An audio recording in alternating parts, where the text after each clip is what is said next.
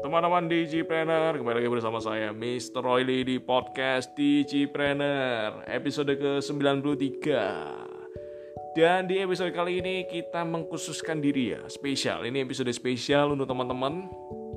Jadi khusus di episode ini kita ngomongin tentang yang namanya communication skill ya Communication skill apa itu komunikasi skill? Ya, skill berkomunikasi ya, termasuk juga gimana sih caranya mempengaruhi orang, ya kan? Gimana sih caranya teman-teman untuk presentasi yang bagus? Gimana sih cara-cara teman-teman untuk menjual ya dengan tingkat closing yang tinggi? Gimana supaya orang-orang itu lebih ya prospek teman-teman, klien teman-teman, customer teman-teman itu lebih menyukai ya, lebih suka ya, lebih senang dengan teman-teman sehingga tingkat closingnya teman-teman di Japan itu semakin tinggi. Karena kita tahu ya yang namanya seorang entrepreneur itu yang namanya communication skill itu juga penting ya, juga penting ya. Gimana caranya mau menjual sesuatu kalau teman-teman nggak bisa berkomunikasi ya? Gimana caranya closing kalau teman-teman ngomong aja susah ya? Gimana caranya teman-teman bisa dapat duit kalau teman-teman nggak bisa closing ya, nggak bisa jualan ya? Jadi penting ya. Ini ilmu communication skill ini sangat penting ya, sangat penting buat teman-teman untuk belajar. Dan kenapa saya sampaikan juga di episode kali ini ya, saya sampaikan di episode kali ini karena saya menganggap bahwa saya juga ada kompetensi ya, kompetensi untuk mengajar ya tentang communication skill karena saya udah certified ya. Jadi saya sudah mendapat sertifikasi ya. Sertifikasi NLP NLP ya. Jadi dengan sertifikasi NLP itu ya kebetulan dari banyak ya dari beberapa institusi ya tentang NLP. Kalau teman-teman tahu NLP adalah neuro singkatan dari neuro linguistic program ya. Jadi itu adalah pemrograman bahasa otak ya, pemrograman bahasa otak ya. Neuro linguistic program. Jadi kalau di Indonesia kan pemrograman bahasa otak. Intinya adalah komunikasi manusia itu ternyata berkomunikasi sesuai dengan preferensinya ya. Kalau preferensinya A, maka kita berkomunikasi dengan tipe A itu lebih bagus ya, lebih mengena ya. Kalau kita berkomunikasinya dengan tipe A dengan cara B itu agak susah, agak susah. Karena preferensi tiap orang itu beda-beda. Dan apa saja preferensi itu akan dibahas ya. Dibahas di episode kali ini ya. Preferensi manusia itu apa aja dan rata-rata ada tiga kategori besar. Tiga kategori besar itu apa-apa apa saja. Ciri-cirinya orang tipe A itu ini. Ciri-cirinya orang tipe B itu ini. Bahasa-bahasa yang dipakai apa. Sampai dengan kata-kata kalimat-kalimat yang ketika teman-teman pakai itu udah masuk ke preferensinya customernya teman-teman atau ke preferensinya kliennya teman-teman ya. Dan itu saya praktekin ya, itu sudah saya praktekin lama dan ini bagus banget ketika untuk closing one on one ya. Jadi closing one on one closing ketika ketemu secara fisik ya itu sangat efektif ya, sangat efektif ya. Dan berulang kali saya praktekkan ya, udah berulang kali saya praktekkan dan itu terbukti ya, terbukti ya. Jadi banyak ya tim saya, teman-teman teman-teman di Gpreneur yang lain kaget ya ketika saya udah menyampaikan sesuatu ya, menyampaikan sebuah misalnya ada sebuah penawaran bisnis ya ketika saya udah mempresentasikan sesuatu itu ketika closing itu yang closing itu mereka yang ingin closing ya jadi malah rebutan ya saya cuma buka kuota cuma beberapa malah rebutan. Saya dulu saya dulu saya dulu saya dulu. Saya mau transfer transfer transfer minta rekeningnya. Nah gimana caranya seperti itu? Nah itu gunakan yang namanya ilmu teknik NLP ya. Kita gunakan komunikasi sesuai dengan preferensinya masing-masing ya. Dan sertifikasi yang saya ambil itu jadi ini ilmu mahal ya. Saya ngambil sertifikasi itu jutaan ya puluhan juta ya. Jadi saya ambil certified ya. Saya ini termasuk certified neuro linguistic program ya. Itu dari IANLP ya. Jadi ada tiga tiga institusi ya IANLP ada dari Florida ada dari Swiss ya kan dari Amerika ya kan. Dan itu membuat saya paham ya membuat saya paham bahwa ini ini ilmu penting ini ilmu yang luar biasa ya. Ketika orang menggunakan ilmu ini bisa berkomunikasi jauh lebih bagus ya untuk baik untuk dirinya sendiri internal dalam dirinya sendiri ataupun untuk orang lain ya dalam berbisnis, dalam bekerja, ataupun dalam relationship, ataupun dalam bidang-bidang yang lain yang berhubungan dengan komunikasi antar manusia itu sangat efektif ya.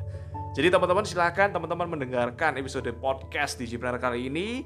Silakan dinikmati dan jangan lupa juga teman-teman datang ke YouTube saya di YouTube Digipreneur ya. Teman-teman bisa akses dengan cara untuk buka browsernya teman-teman lalu teman-teman tinggal klik topmotivatorbisnis.com. Saya ulangi topmotivatorbisnis.com.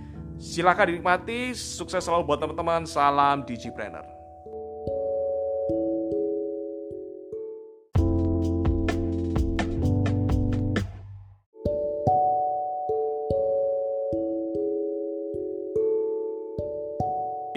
kalau di NLP itu kan singkatannya Neuro Linguistic Program, jadi pemrograman bahasa otak. Nah, kaitannya dengan komunikasi itu kan sebenarnya bisa juga kita juga bisa berkomunikasi dengan orang lain dengan menggunakan kecenderungan ya, kecenderungan ya.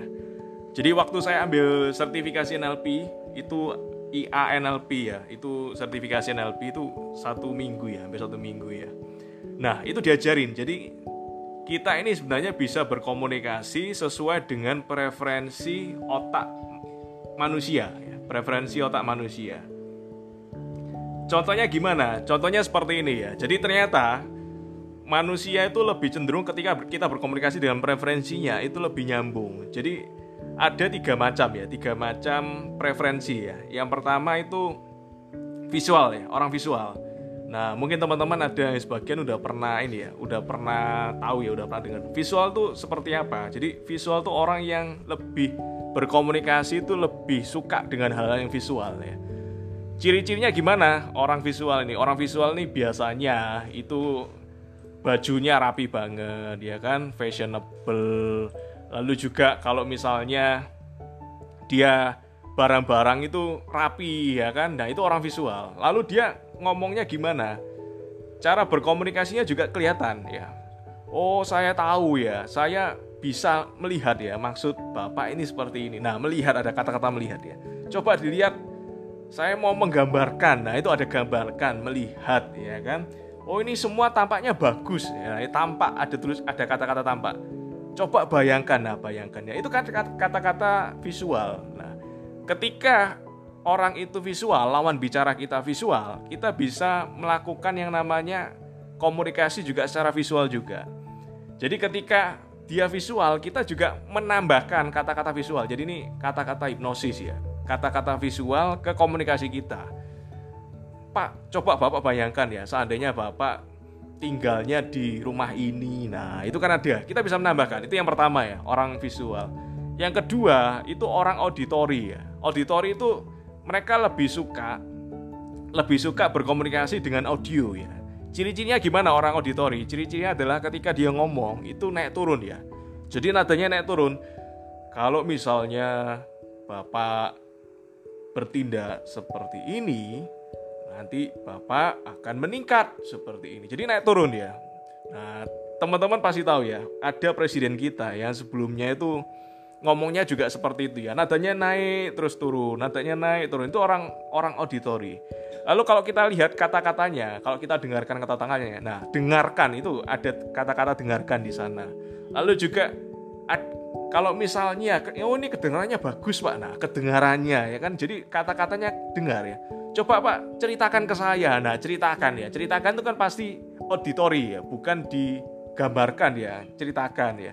Banyak yang ngomongnya seperti ini ya. Ngomongnya yaitu contoh orang-orang auditori kita bisa sesuaikan dengan preferensi auditori untuk berjualan ya kan? Untuk presentasi untuk closing itu sangat-sangat efektif. Saya udah coba sangat-sangat efektif dan yang terakhir yang ketiga itu adalah orang kinestetik ya.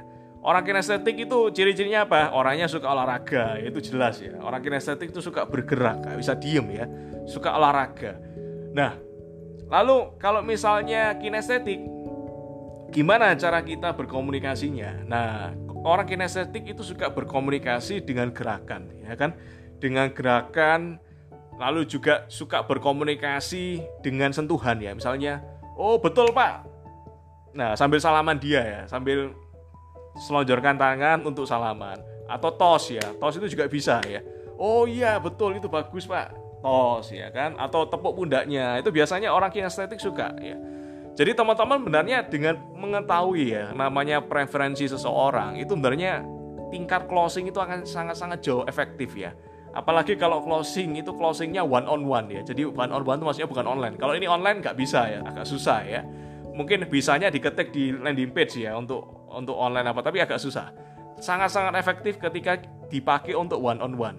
Jadi ada lawan bicara, kita bisa mempengaruhi secara oh kita tahu preferensinya oh ini orang pasti orang visual kita bisa masukkan kata-kata visual ke situ atau ini orang oh ini orang estetik ini dia suka olahraga dia suka naik sepeda ya. Misalnya kita lihat instagramnya dia suka naik sepeda. Oh berarti kita masukin kata-kata kinestetik kita ajak salaman kita ajak tos ya kan? Lalu kita pegang pundaknya dia ya tentu dengan cara yang sopan ya dengan cara yang sopan. Apalagi kalau lawan jenis ya.